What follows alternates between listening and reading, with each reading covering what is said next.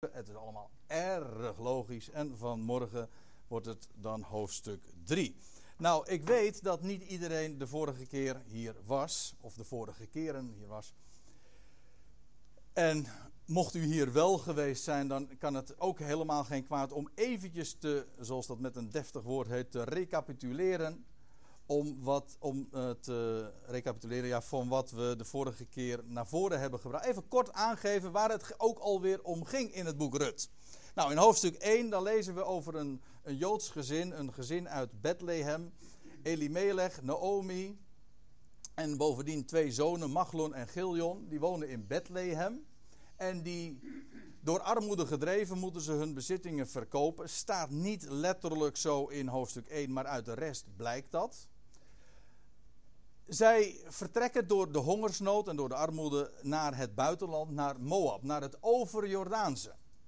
Maar daar zit het hen allemaal niet erg mee, zacht gezegd, want het komt er gewoon op neer dat de familie zo'n beetje helemaal uitsterft. Want eerst is het Elimelech die overlijdt en vervolgens al gauw ook Machlon en Giljon, die daar trouwens al inmiddels twee uh, vrouwen hadden opgedoken, daarmee getrouwd waren namelijk Rut en Orpa. En het is deze eerste, Rut, die een grote rol gaat spelen in dit boek. Sterker nog, dit boek is vernoemd naar haar. Deze Moabitische vrouw. Kortom, Naomi is overgebleven met haar twee schoondochters. En Rut, of Naomi die uh, besluit op een gegeven ogenblik weer terug te keren naar haar eigen land, naar Bethlehem. En dan gaan hun, haar beide schoondochters mee. Rut en Orpa. Maar Naomi die dringt er erg op aan dat ze toch maar weer gewoon terug zouden gaan naar hun eigen moedervolk, naar hun eigen vaderland. Het is maar hoe je het zeggen wil. En Orpa gaat uiteindelijk inderdaad naar aandringen weer terug naar, naar Moab. Eh, maar het is Rut die die gedenkwaardige, zeg het maar, die gedenkwaardige woorden uitspreekt als ze zegt van uw God is mijn God. Uw volk is mijn volk. En waar u zal sterven, daar zal ik sterven. Rut gaat mee en ze is vastbesloten. En dan komen ze daaraan in het eh, plaatsje Bethlehem.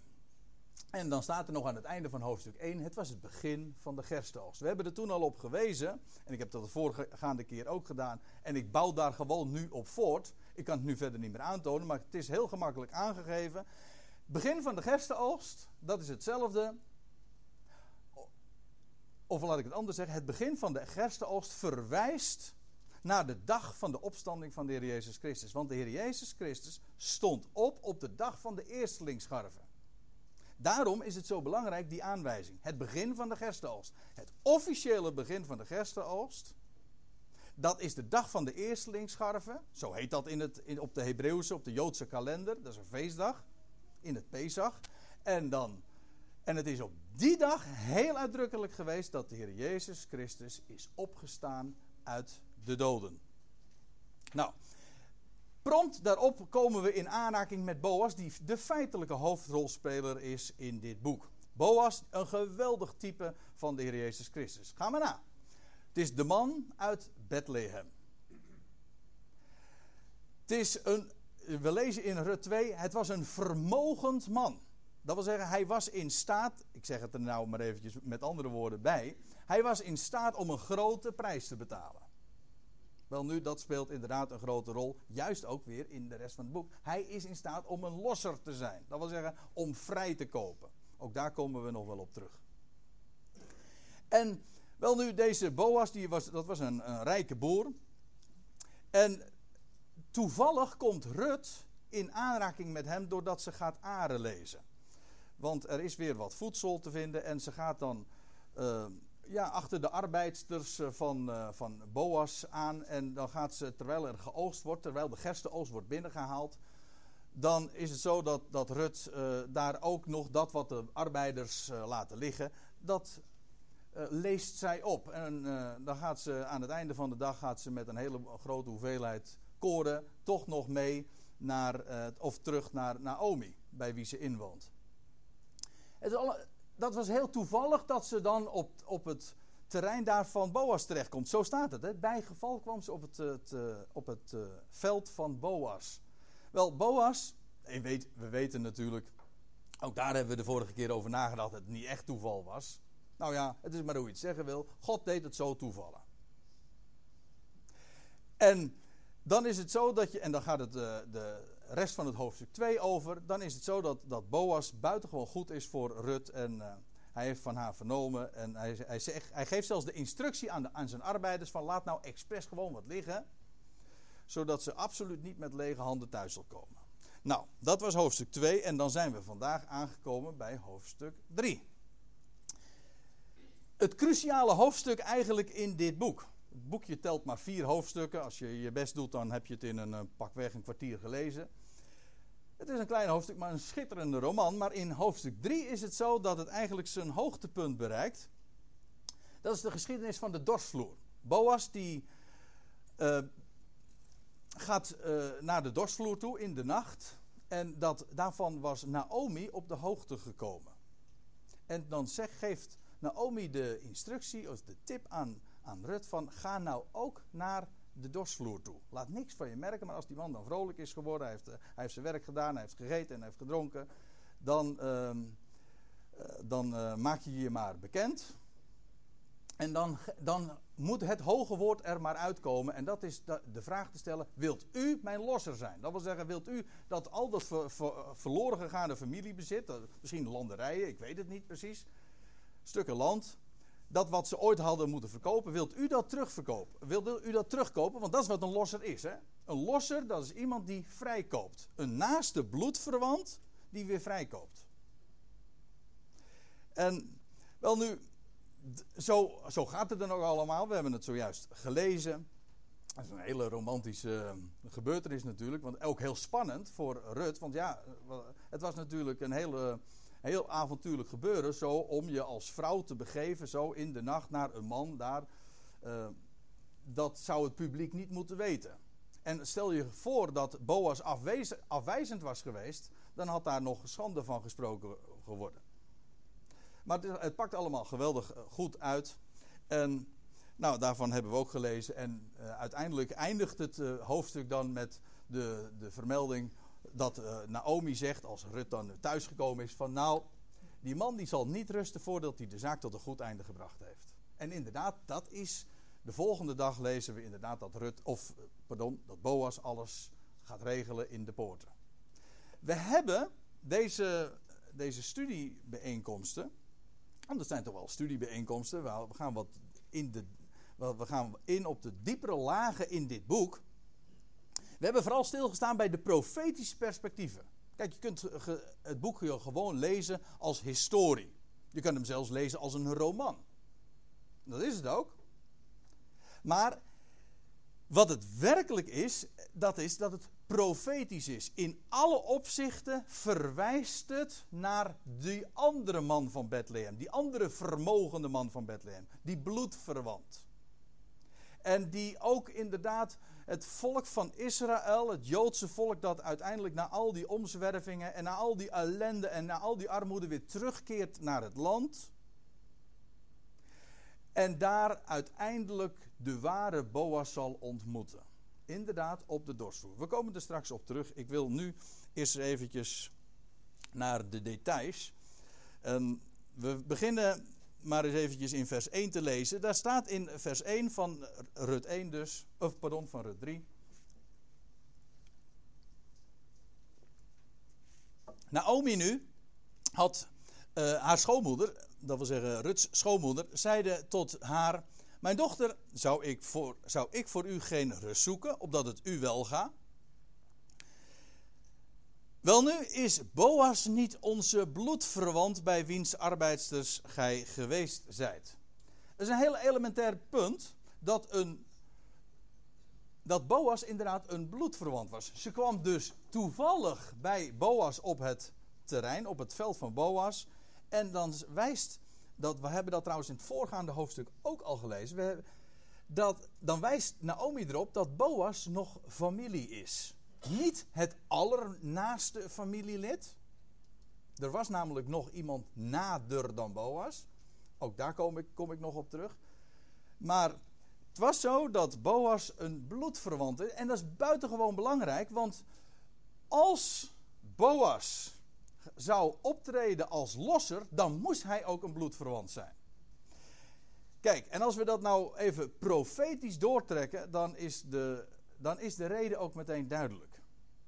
Waarom een, een losser een bloedverwant moest zijn. Want gaat u maar na. Als we e- eenmaal vastgesteld hebben dat Boas inderdaad een type is, een vooruitwijzing of een schaduw, of hoe je het ook maar zeggen wil, een beeld is van die andere man van Bethlehem.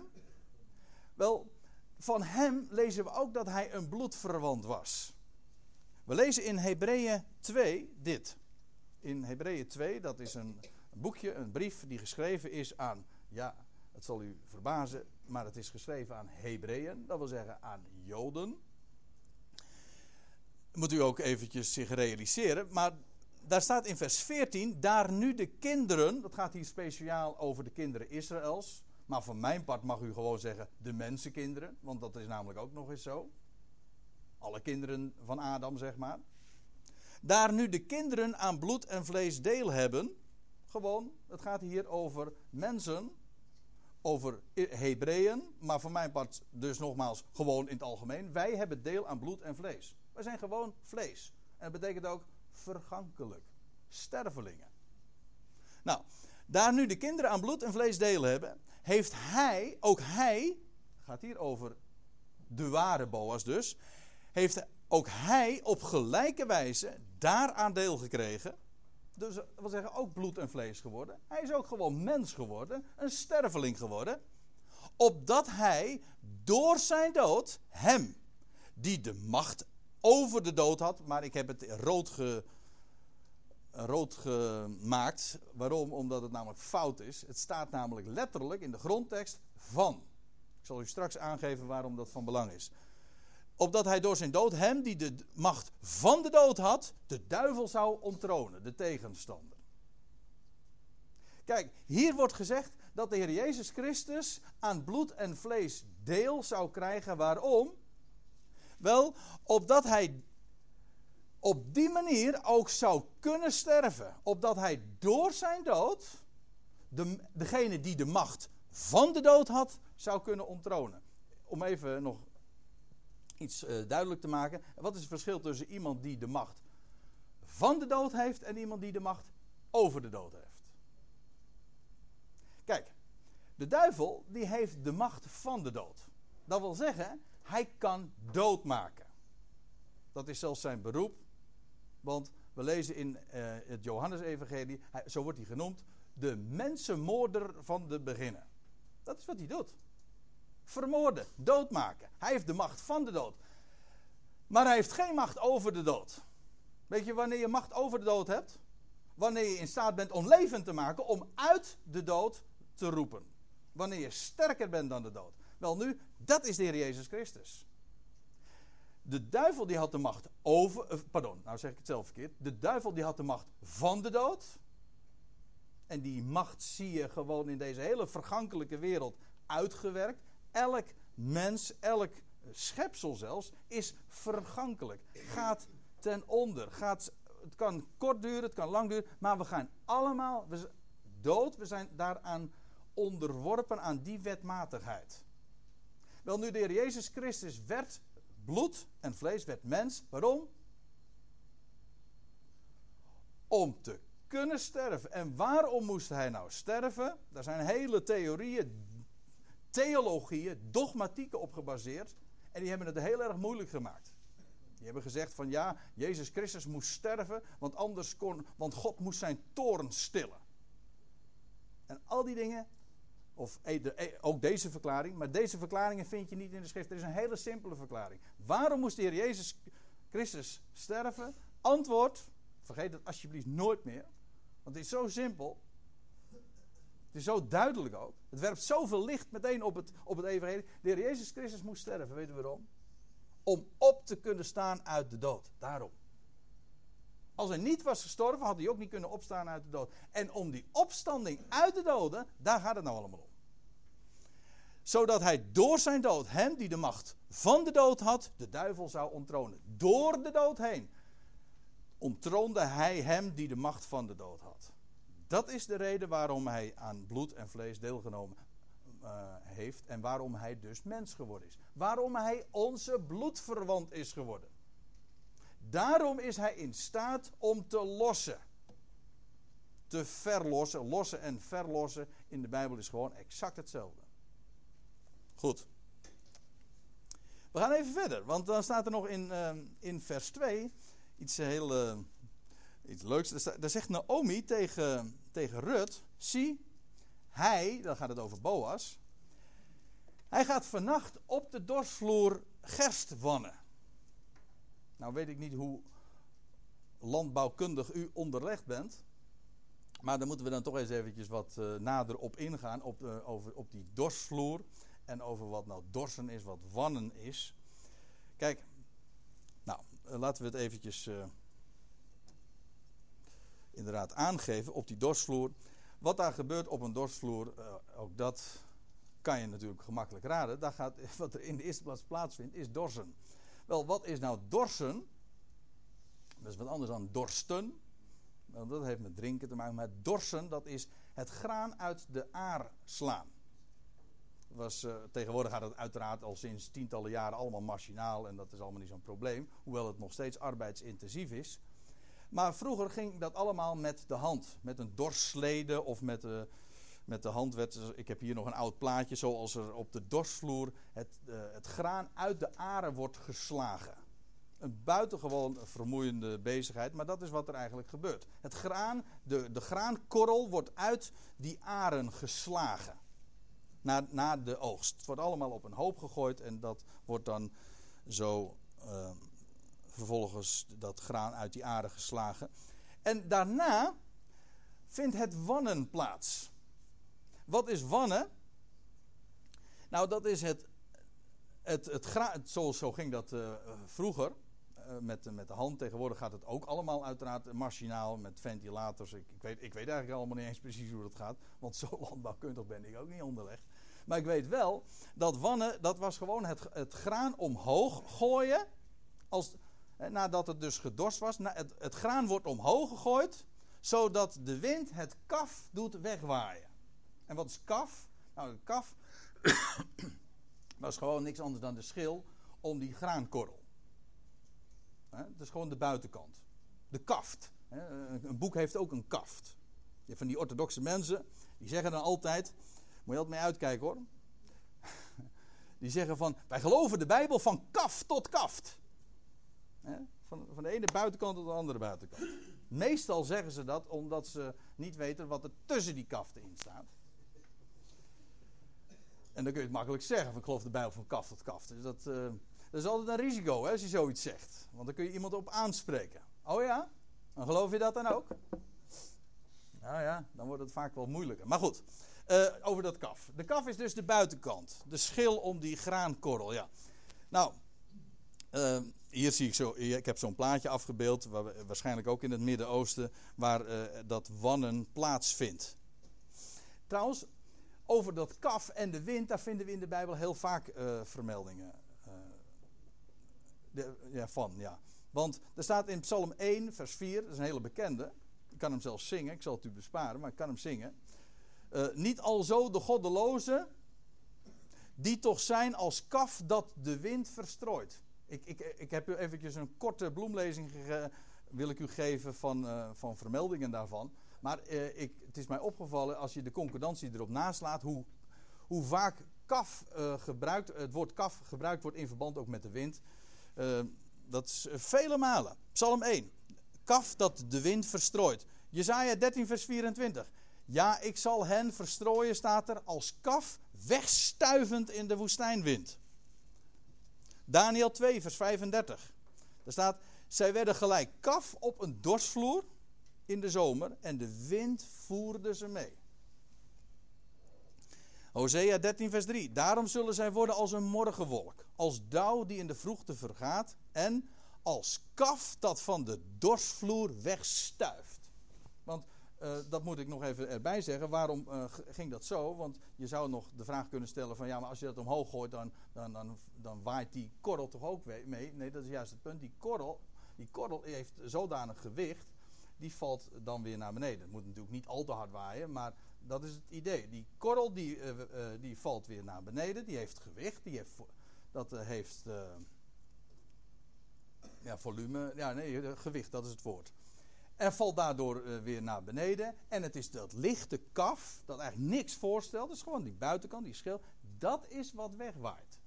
Dat is dus wat wannen is. Dat vond plaats vervolgens ook op die dorsvloer. En dat is wat Boas zou gaan doen. Dat was iets wat niet uh, door de arbeiders gedaan werd. Nee, dat was wat de eigenaar zelf deed. Hij liet dat niet doen, hij deed dat zelf.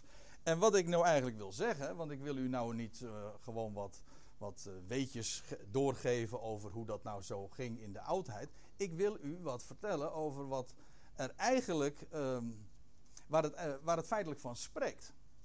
Want wannen, dat is een beeld van het het werk dat Christus tegenwoordig doet. Ik vind het ook heel frappant. Het is in de nacht hier.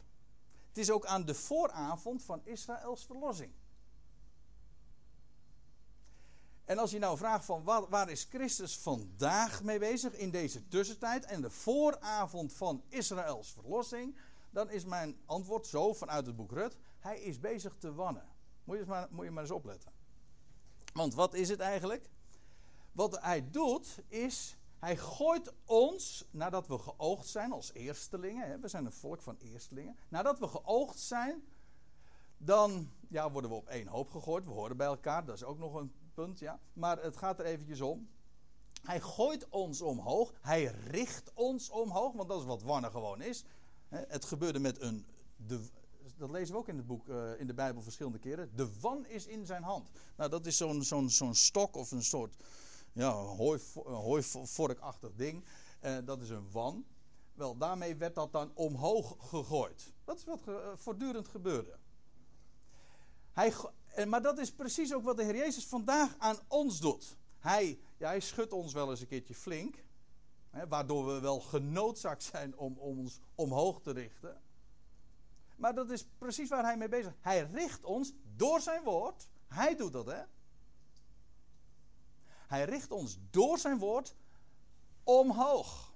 Hij, dat is wat hij voortdurend doet. Hij gooit ons voortdurend omhoog. Hij richt ons naar de dingen die boven zijn, waar hij zelf is. Hij richt ons op de waarheden die te maken hebben met, inderdaad, met hem.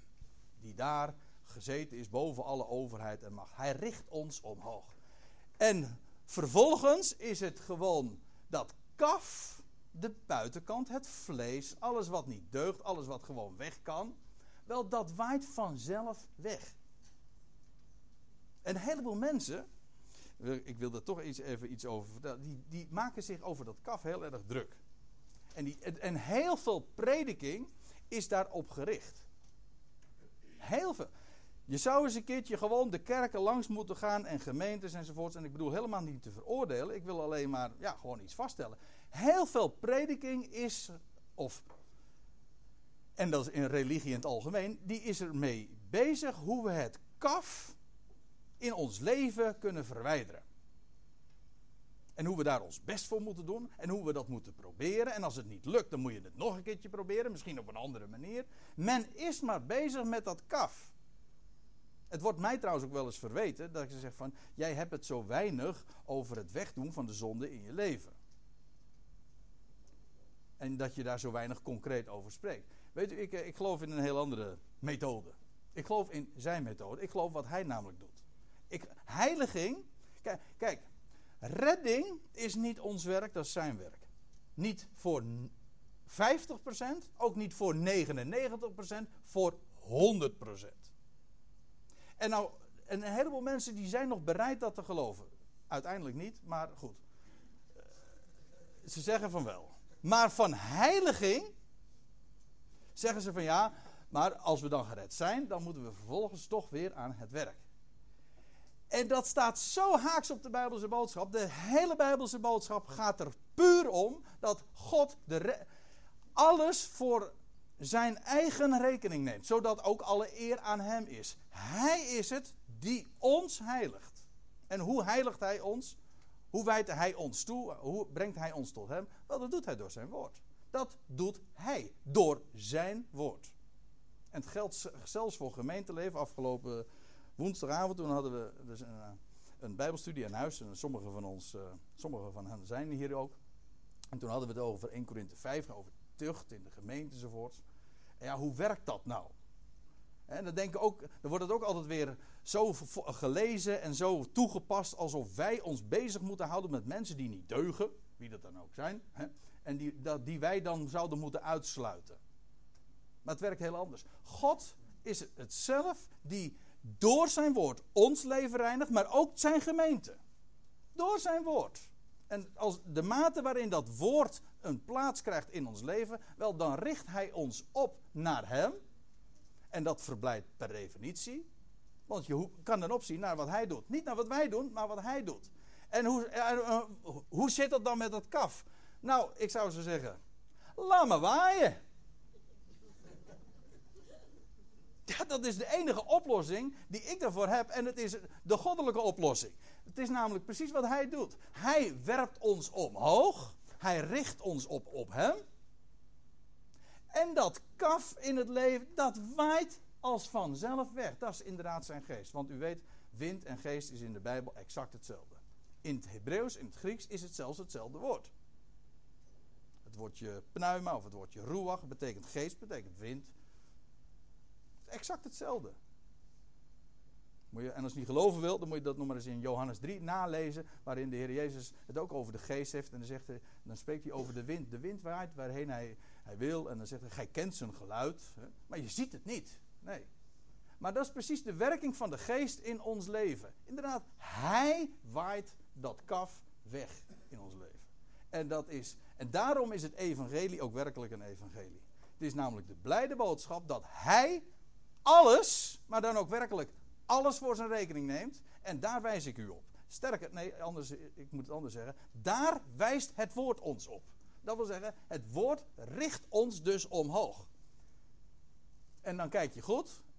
En dan ben je goed gericht. En dan doet de wind de rest. Zijn geest namelijk. Ja, dat is zijn tegenwoordige werk. Aan de vooravond van Israëls verlossing. En u weet, het is vandaag nog steeds nacht de dag gaat aanbreken. En zodra het dag is, wel, dan gaat uh, de, de uiteindelijke verlossing inderdaad in zijn werk. Maar ook dat is wat de ware Boas helemaal uh, voor zijn rekening neemt. Dan wil ik nog wat vertellen over dorsvloeren in de Bijbel. Want uh, je komt ze nogal eens tegen. En ik ben absoluut niet compleet, maar ik wil een paar bekende dorsvloeren noemen. Nou ja, bekende. Ik weet zeker dat er hier heel wat zijn dat er die niet de dorsvloeren kennen die, die ik nu allemaal noem. Maar deze wel. Deze zullen de meesten wel kennen. De dorsvloer van Gideon. U kent toch dat verhaal dat hij Gods wil wilde weten. Of, hoe Israël verlost zou moeten worden. Ja, ja, dat was het onderwerp. Hè? En dan lees je dat hij een schaapsvel op de dorsvloer neerlegde. Ja, en dat eerst was dat, dat dat doet hij twee keer. Hè?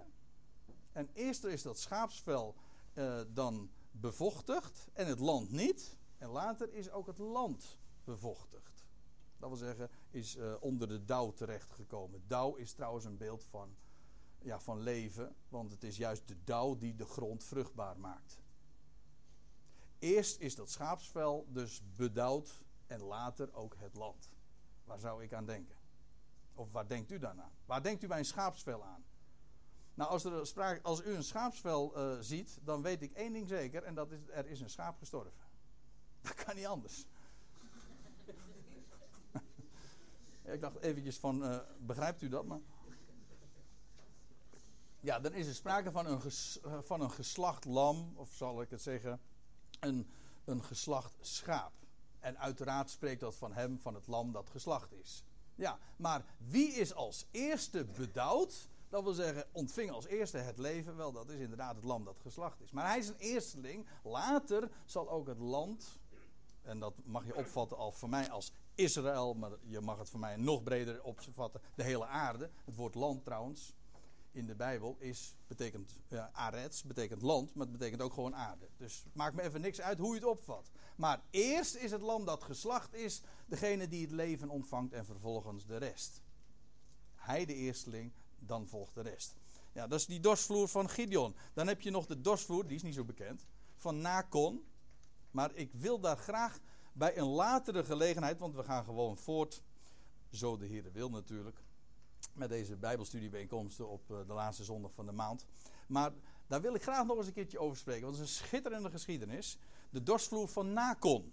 Dan lees je dat eh, David op weg is, of nee, de, David de, de ark weer terugbrengt. Nou, niet terugbrengt, hij brengt de ark naar, naar Sion. Daar hoort hij ook. Dat is een definitieve rustplaats. Maar dat gaat niet zonder slag of stoot, want die weg wordt onderbroken. Zo wordt die weg dan trouwens ook genoemd, Peresh. Onderbreking. Maar dan, dan dreigt die, die ark te vallen. Ja, want uh, kent u de geschiedenis? Nee, dat, daar worden, uh, worden runderen ervoor gezet en uh, die ark wordt op een, op een wagen geplaatst. En, en dan op een gegeven ogenblik dan, dan struikelen die runderen en dan dreigt die ark te vallen. Dan is het Ussa die uit voorzorg, dacht hij, zijn hand uitstrekt om die ark te redden. Nou, dat had hij niet moeten doen. Of in ieder geval, uh, het uh, kostte hem ter plekke zijn leven.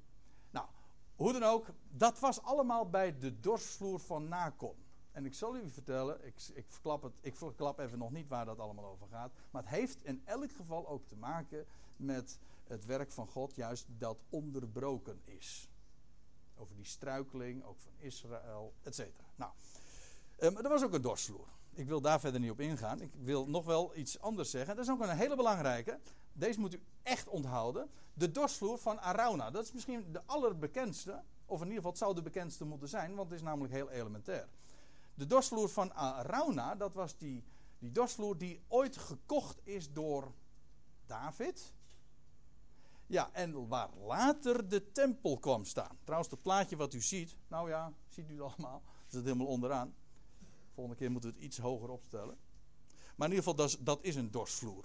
Een dorsvloer in het oude Midden-Oosten. Nou ja, in het Midden-Oosten. Maar zoals dat ook in de oudheid werd gebouwd. Goed.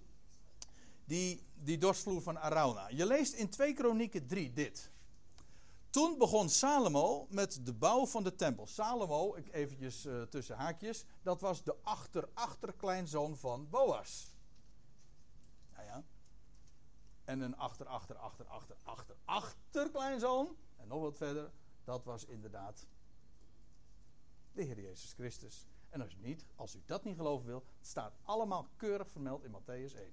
Dan vinden we al die namen vermeld.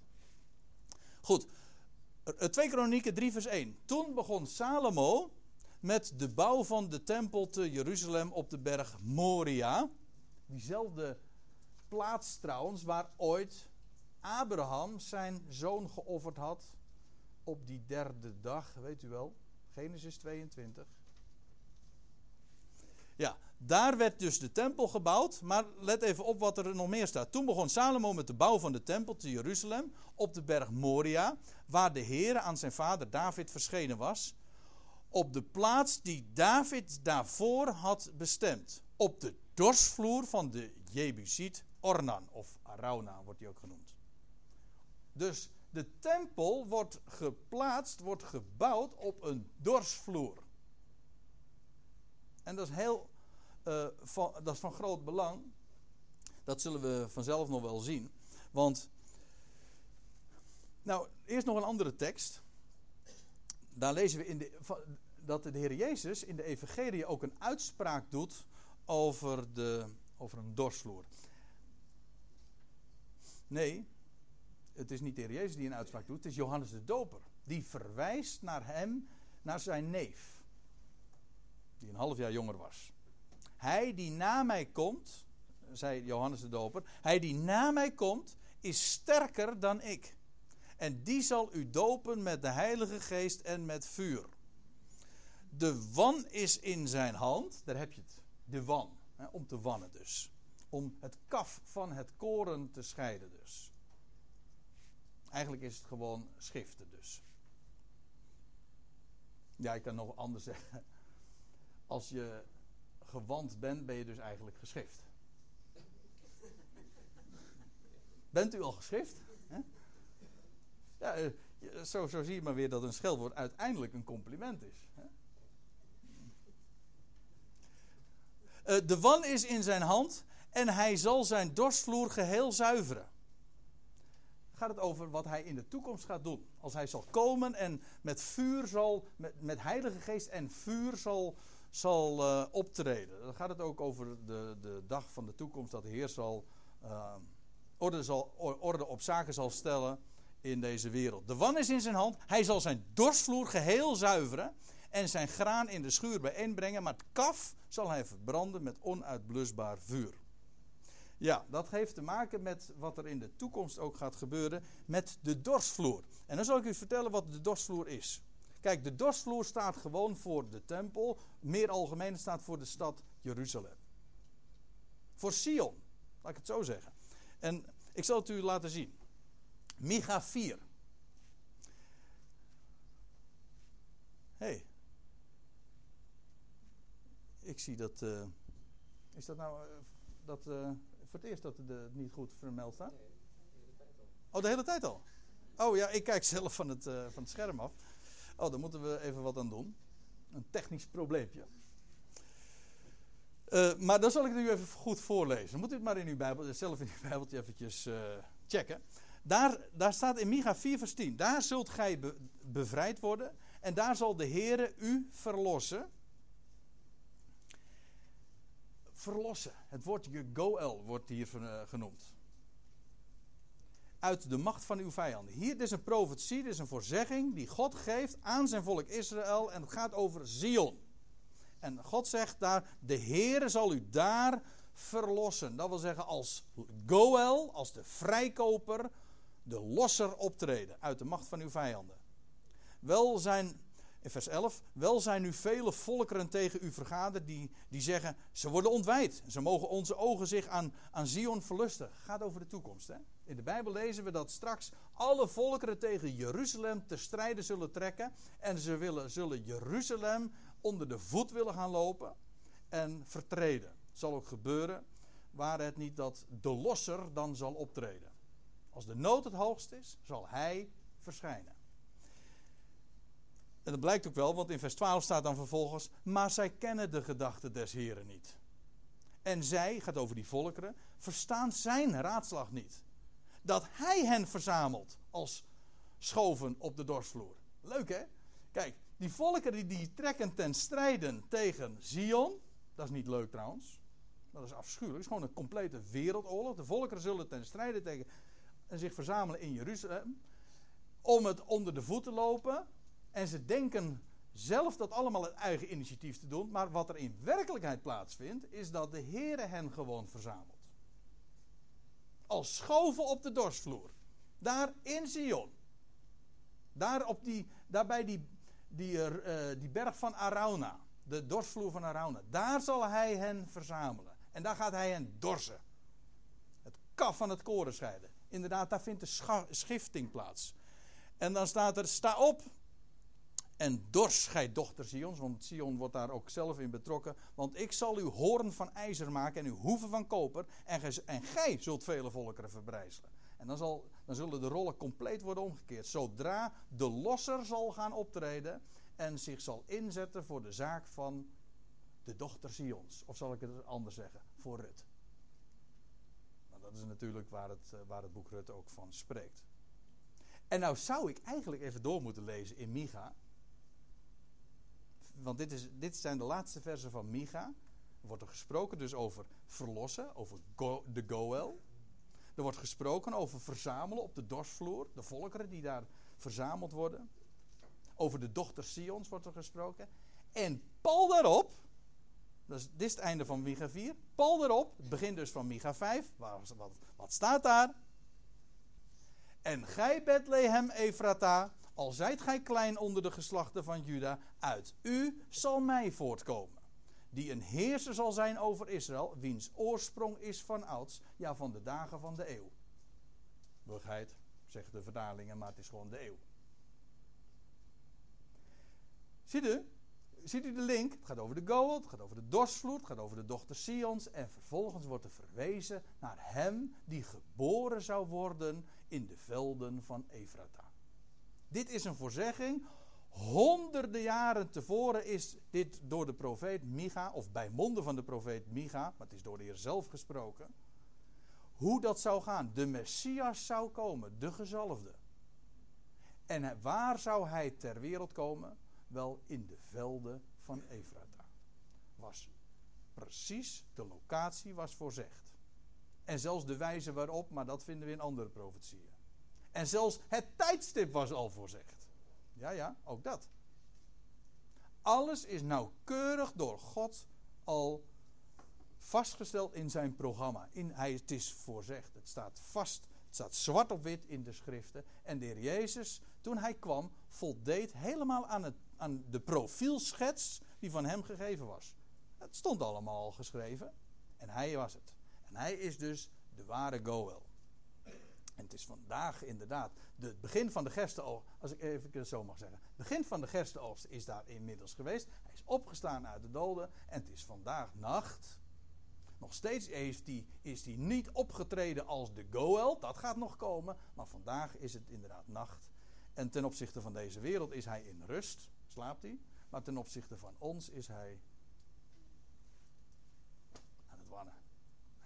Hij gooit ons op naar boven. Goed, dat is die dorsvloer. Dan ga ik even verder in de geschiedenis, want we zijn nog. Uh, we hebben nog wat uh, te gaan. Nou ja, het is trouwens niet zo dat ik een vers voor vers bespreek. Dat kan uiteraard niet. Maar ik wil wat, wat highlights in het hoofdstuk aanstippen. Er staat in vers 8. Het gebeurde nu te middernacht. Dat de man wakker schrok. En om zich heen greep. En zie, daar lag een vrouw aan zijn voeteneind. Ja, dan schrik je natuurlijk. Hè. Vrouw, bovendien, ze had zich gebaat, ze was gezalfd, ze uh, op de paasbest, hè, paasbest, ja leuk. Uh, en die lag daar zo aan zijn voeteind, keurig natuurlijk allemaal. Zo hoort het, ja. Ja, daar, zou je natuurlijk ook een hele mooie uh, moralistische prediking aan vast kunnen kopen. Dat doe ik dus niet. En hij vroeg, wie zijt gij? Het was donker natuurlijk. En zij antwoordde, ik ben Rut, uw dienstmaagd. Spreid uw vleugel uit over uw dienstmaagd, want gij zijt de losser. Spreid uw vleugel over mij uit. Uh, kun je ook op verschillende manieren opvatten, maar ontferm u over mij. een vleugel is ter bescherming ook. Gij zijt de losser. Wel, uh, vervolgens, uh, een paar versen later, is het uh, Boas die dan antwoordt: Nu dan, mijn dochter, wees niet bevreesd.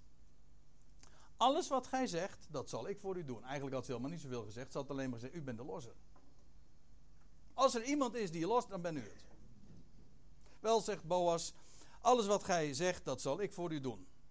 Nu dan, weliswaar ben ik losser, maar er is iemand. Ja, je zou. Nou, ja, nou goed. Uh, je hebt een los en je hebt een losser en je hebt een lost. Maar dat is niet zo hoor. ik ken iemand die dat zo opvatte van weliswaar ben ik losser, maar er is nog een losser. De overtreffende trap van losser is niet lost, maar een ja, losserder, zeg maar. Uh, maar er is nog een losser nader dan ik. Kijk, er, Boas was een naast, een naast familielid, maar niet het meest naaste familielid. Hoe het precies gezeten heeft, weet ik niet. Het zou kunnen zijn dat Boas een neef was van Elimelech, ik noem maar wat. Maar dat uh, Elimelech ook nog een broer had. Een jongere broer bijvoorbeeld, die ook in staat was of die uh, als losser zou kunnen optreden als nog nadere bloedverwant. Dus dat moest eerst geregeld worden. Ja, waar dat een beeld van is. Ik, de volgende keer kom ik daar wat uitgebreider bij uh, over te spreken. Maar ik moet toch uh, even aanstippen. Want we hadden het eigenlijk al in hoofdstuk 2 ook een korte verwijzing daarna gelezen. Hier vinden we het weer. Eerst moest dit opge, opgelost worden. ja, opgelost, ja. Het was namelijk zo dat uh, deze, deze man, die ja, net wat ik zeg, in het hoofdstuk 4 vinden we nog iets meer over hem vermeld. Er was iemand die zich nog eerder als losser zou presenteren. Als Goel. Ja, ik heb zelf niet zoveel moeite om, om dat uh, in te vullen als je het meer in, in het profetische perspectief plaatst. Het spreekt van hem die eerst in zijn eigen naam zal komen en die zich zal voordoen en zich zal presenteren als de Goel. Maar het niet zal zijn, want hij zal het niet kunnen lossen. Dat lezen, we, dat lezen we ook echt in het volgende hoofdstuk. Er was, en dat is waar het profetisch van spreekt. Het spreekt van, van hem die straks in de nabije toekomst zal gaan optreden in het land Israël en zal, zich zal voordoen als de Messias. En zei, ik ben het. Ik ben die aangekondigde. Ik ben de Goel. Ja, hij zal zich eerder, hij zal zich nader zo presenteren. Maar hij zal niet in staat zijn. Integendeel, hij zal een, gewoon een valse verschijning zijn. En dan vervolg, als dat opgelost is, als, die, als hij zijn schoen heeft uitgetrokken. Ik, ik beloof u, de volgende keer kom ik daarop terug. Als hij zijn schoenen zal hebben uitgetrokken. En dan zal uh, de rol worden opgenomen door de ware verlosser, de ware man van Bethlehem, de ware vermogende man die in staat zal zijn dat te doen. En die doet dat dan, dan verlost hij niet alleen maar, dan lost hij niet alleen maar het land, maar dan neemt hij ook nog eens een keertje Rut tot bruid. Eigenlijk is het ook Rut die zich hier ook al zo presenteert. Als een, ze stelt zich hier echt kandidaat van, alstublieft. Ze noemt het niet met zoveel woorden, maar dat is toch wel het idee wat, we, wat hier zo in meespreekt.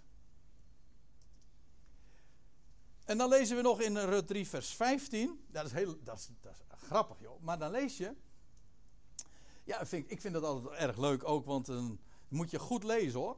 In Rut 3, vers 15. Want uh, dan, dan lees je dat Rut uh, de instructie krijgt van Boas van blijf nou nog hier tot de, morgen. Maar vlak, voor de, vlak voordat het licht wordt moet je maar uh, weer naar huis toe gaan. En, maar dat, ze stuurt hem, of hij stuurt haar niet met lege handen weg. Integendeel, want hij zegt tegen haar... Geef de omslagdoek die gij draagt en houd hem op. Ik weet niet hoe u dat leest, maar dit is een beetje een rare zin in het Nederlands. Hè? Zo van, doe de omslagdoek Doe hem af en hou hem op. Maar wat moet je nou doen? Maar zo, nee, u had al lang begrepen natuurlijk hoe het echt is. Geef de omslagdoek die gedraagt en houd hem op. Maar dat betekent uiteraard dit. Doe, doe hem inderdaad af en houd hem zodanig op, zodat ik hem kan vullen. En zij hield hem op. en, maar hierop mat hij zes maten gerst en legde die daarin een, een overvloed aan gers. Nou, nog net geen zeven. Want de zeven, dat is eigenlijk de complete. Dat is pas als het. Uh, dat is pas hoofdstuk 4, zal ik maar zeggen. Het is hier bijna zeven. Maar zes. Een zes maten gerst legde hij daarin. En, uh, en ik heb u al gezegd, gerst spreekt van nieuw leven. En die omslagdoek, kijk, als je eenmaal weet dat, dat Rut een beeld is van de dochter Sions, dan is het niet zo moeilijk om ook dit te, uit te leggen. Sterker nog, het is Paulus die hierop ingaat. Op die bedekking die op Israël tot op de dag van vandaag ligt. Moet u maar eens lezen in 2 Korinthe 3. Daar gaat Paulus in op het, op het oude verbond, het nieuwe verbond. En dan zegt hij in vers 14: Tot heden toe blijft dezelfde bedekking over de voorlezing van het oude verbond zonder weggenomen te worden, omdat zij slechts in Christus verdwijnt. Ja, tot heden toe ligt telkens wanneer Mozes voorgelezen wordt, in de synagoge dus, een bedekking over hun hart. Doch, zo, zo staat het in de Statenvertaling, helemaal correct. De MBG-vertaling is hier niet goed. Er staat, doch wanneer het, namelijk dat Joodse volk, dat nu nog een bedekking op het hart heeft, doch wanneer het tot de Heerde bekeerd zal zijn, niet zich tot de Beheer zal bekeren, zo staat het er niet, maar tot de Heer bekeerd zal zijn, zo wordt de bedekking weggenomen. Dan gaat de omslagdoek af. En het is, ik vind het toch wel heel frappant dat inderdaad ook in letterlijk opzicht er een bedekking ligt bij de voorlezing van het oude verbond. Als, ik heb een expres dit plaatje er ook bij. Oh, ook dat zie je niet. Hé, jammer. Dat is echt jammer, mensen. Want ik had er zo'n prachtig mooi plaatje bij. Ik weet niet hoe ik u dat moet. Of u moet hier allemaal zo langs komen en eventjes op mijn scherm kijken. Maar ik had hier een, uh, zo'n zo'n orthodoxe Joodse man. Die daar met die tevelin om zijn armen, of hoe heet dat allemaal. En de, en de Torah op zijn, uh, op zijn voorhoofd. U ziet het nog een klein beetje. En in ieder geval zo'n omslagdoek, zo'n zo'n doek. Uh, het staat me eventjes op, nu niet voor de geest hoe dat, hoe dat ook alweer heet, zo'n doek. Weet, kan iemand mij daarbij helpen? Nee? Nou, doet het even niet de zaken, zullen we maar zeggen. In ieder geval. Hè? Dat zou kunnen, tefila. Ik weet het niet. Maar goed, we, we gaan geen onjuiste informatie geven. Hij. Uh, het, is zo, het is zelfs zo, als je nu bij de klaagmuur komt. In, is in Jeruzalem. Dan, is, dan, krijg je, dan, uh, dan mag je dat als man uh, daar wel komen. Ook als, als gooi, als, als heidense man. Maar je moet wel een bedekking op het hoofd doen. Nou ja, stelt niet zo heel veel voor. Maar het, is, het idee, het is een bedekking. Zo'n kippa. Zo'n keppeltje. Maar die echte Joden, die echte orthodoxe Joden, die hebben zich inderdaad zijn bedekt. Wel, dat is illustratief, die bedekking. Want er ligt een, een bedekking over de voorlezing van het Oude Verbond. En het, het Joodse volk heeft de, inderdaad de reputatie. Het, de schriften zo goed te kennen. En dat is ook zo. Oppervlakkig gesproken. Want waar het werkelijk over gaat, over wie het werkelijk gaat, ontgaat hen tot op de dag van vandaag. Ik bedoel, ze lezen altijd met, met het eh, Pinksterfeest het boek Rut voor. Maar dat het boek Rut van begin tot het eind spreekt van de man van Bethlehem die 2000 jaar geleden kwam.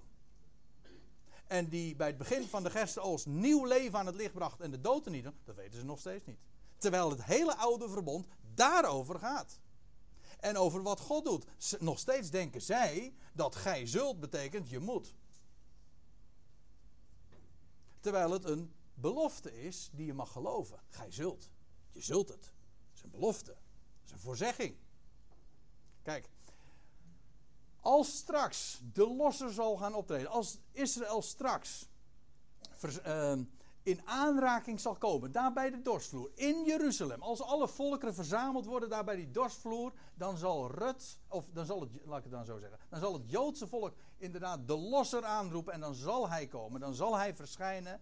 En dan zal de bedekking worden weggenomen. Dan zullen ze zien waar het oude verbond van de eerste bladzijde tot de laatste bladzijde werkelijk over gaat. En over het nieuwe leven dat hij geeft. En over het feit dat hij in genade alles voor zijn eigen rekening neemt. Dan wordt de bedekking weggenomen. En wat, wat ze ervoor in de plaats krijgen. Nou, nieuw leven. Gerst. Een volheid. Meer dan genoeg. Een schitterend beeld natuurlijk wat je in Rut 3 ziet. Zij doet die omslagdoek af. De bedekking wordt weggenomen. En er komt nieuw leven voor in de plaats. In overvloed. Schitterend. Ja, dan lees je tenslotte nog. Dat is het laatste waar ik op wil wijzen. Dat moet ook wel, want de tijd is uh, verstrijkt natuurlijk. Dan lees je in vers 16 van uh, Rut 3. Toen zij bij haar schoonmoeder gekomen was, zeide deze: Hoe is het, mijn dochter? Eigenlijk staat er: Wie zijt gij, mijn dochter? En zij vertelde haar alles wat de man haar gedaan had. En zeide: Deze zes maten gerst heeft hij mij gegeven. Want zeide hij: Gij moet niet met lege handen bij uw schoonmoeder komen. Dan kwam ze met een gigantische hoeveelheid gerst. En toen zeide deze: Blijf stil afwachten. Ik vond het zo leuk, maar weet u wat er echt staat? Gewoon in de grondtekst. Staat er veel korter. Maar staat gewoon: Zit. Zo, wat je ook zo tegen je hond zegt. Zit. Dat is wat, ze, wat Naomi zegt. Van de week toen had ik het uh, met mijn jongste nog even over. Toen ging het over dat lied stil, uh, stil maar, wacht maar, alles wordt nieuw. En, uh, maar op school zingen ze een andere versie. Dat is niet stil maar, wacht maar, alles wordt nieuw. Zo van, ga nou maar rustig zitten. Alles wordt nieuw, want dat doet hij namelijk. Dat is een voorzegging, dat is een belofte. Daar mag je gewoon in geloven. Nee, op school hadden ze het anders geleerd. Namelijk, bid maar, werk maar, alles wordt nieuw. Kent u die versie?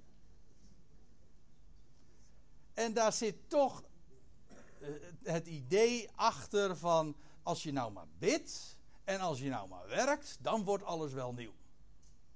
Daarom hou ik, ik hou van de, de versie van Naomi, zeg maar. Van stil maar. Zit. Rustig. Een heleboel mensen die, denken, die geloven dat niet. Hè? Die geloven niet dat de Heer alles voor zijn rekening neemt. En die, die, willen aan het werk gezet worden. Ook in verband met, zeg maar, met de grote wereldproblematiek. Die willen dan de, de handen uit de mouwen steken. En dan zeggen ze van ja, nou, nou moeten we, nou moeten we het uh, gaan maken. Het heeft nou al zo lang geduurd, al 2000 jaar. Nou, dan zou ik zeggen, dat is des te meer reden om nou te gaan zitten. Want dat betekent, de tijd is nu echt nabij. En bovendien, ik, ik heb altijd een, toch wel meelij met mensen die het zo benaderen. Die, denken, die altijd maar aan het werk gezet worden, dat is een last. Het is bovendien heel frustrerend, want je, het breekt je bij de handen af. Een mens kan helemaal niks. Uiteindelijk, als het er echt op aankomt, als het gaat om wereldverbetering of het verwijderen van het kaf uit je leven, dat lukt je allemaal niet. En, en, dan zeg ik van, uh, wat je veel beter kan doen, is omhoog kijken. Dan heb ik nog een goede tip. Ga maar lekker zitten. Rusten, inderdaad.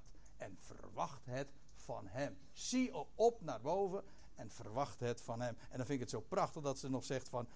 Maar, uh, zit, mijn dochter, totdat gij verneemt hoe de zaak uitvalt. Want die man zal niet rusten voordat hij vandaag deze zaak tot een einde heeft gebracht. Zij kende Boas kennelijk.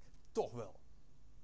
Zij wist, die Boas, dat is een figuur, die doet wat hij zegt en die zal niet rusten voordat hij het allemaal tot een goed einde heeft gebracht. Als u het mij vraagt, ik vind het misschien wel het allermooiste wat er van Boas gezegd wordt. Weet u waarom? Omdat het spreekt van die andere vermogende man van Bethlehem. Hij zal niet rusten voordat hij de zaak allemaal, en dat gaat over Gods grote, over Gods grote plan. Hij zal niet rusten voordat hij alles tot een goed einde heeft gebracht. En dat gaat hij ook doen. Het gaat hem gelukken. Daarom is hij ook die gelukkige man. Uit uh, Psalm 1. Hè? Welzalig de man. Wel gelukzalig de man die niet wandelt. Hè? En al wat hij onderneemt, staat er dan nog. Al wat hij onderneemt, gelukt hem. Ja, daarom is hij zo gelukkig. En dat is deze Boas ook. Het gaat hem gelukken. Hij gaat alles waar hij voor kwam, ooit in deze wereld, gaat hij voltooien. Tot een goed einde brengen. Zoals Jezaja 53 zegt, tot verzadiging toe.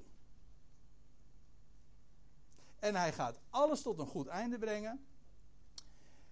En het zal inderdaad volkomen en af zijn. Hij kwam ooit op aarde tot redding der wereld. Johannes 3, vers 16 is heel erg bekend, maar Johannes 3, vers 17 niet. Gek genoeg. Er staat: God heeft zijn zoon gezonden. Opdat hij de wereld zou redden door hem. Opdat de wereld behouden zou worden door hem. Precies. Wel, hij zal niet rusten voordat hij dat alles tot een goed einde zal hebben gebracht. En zo is dat. En daar spreken wij van. En daar zingen we van. En ik stel voor dat we daarvan nu ook een lied zingen. André, zou jij misschien weer plaats willen nemen achter het toetsenbord?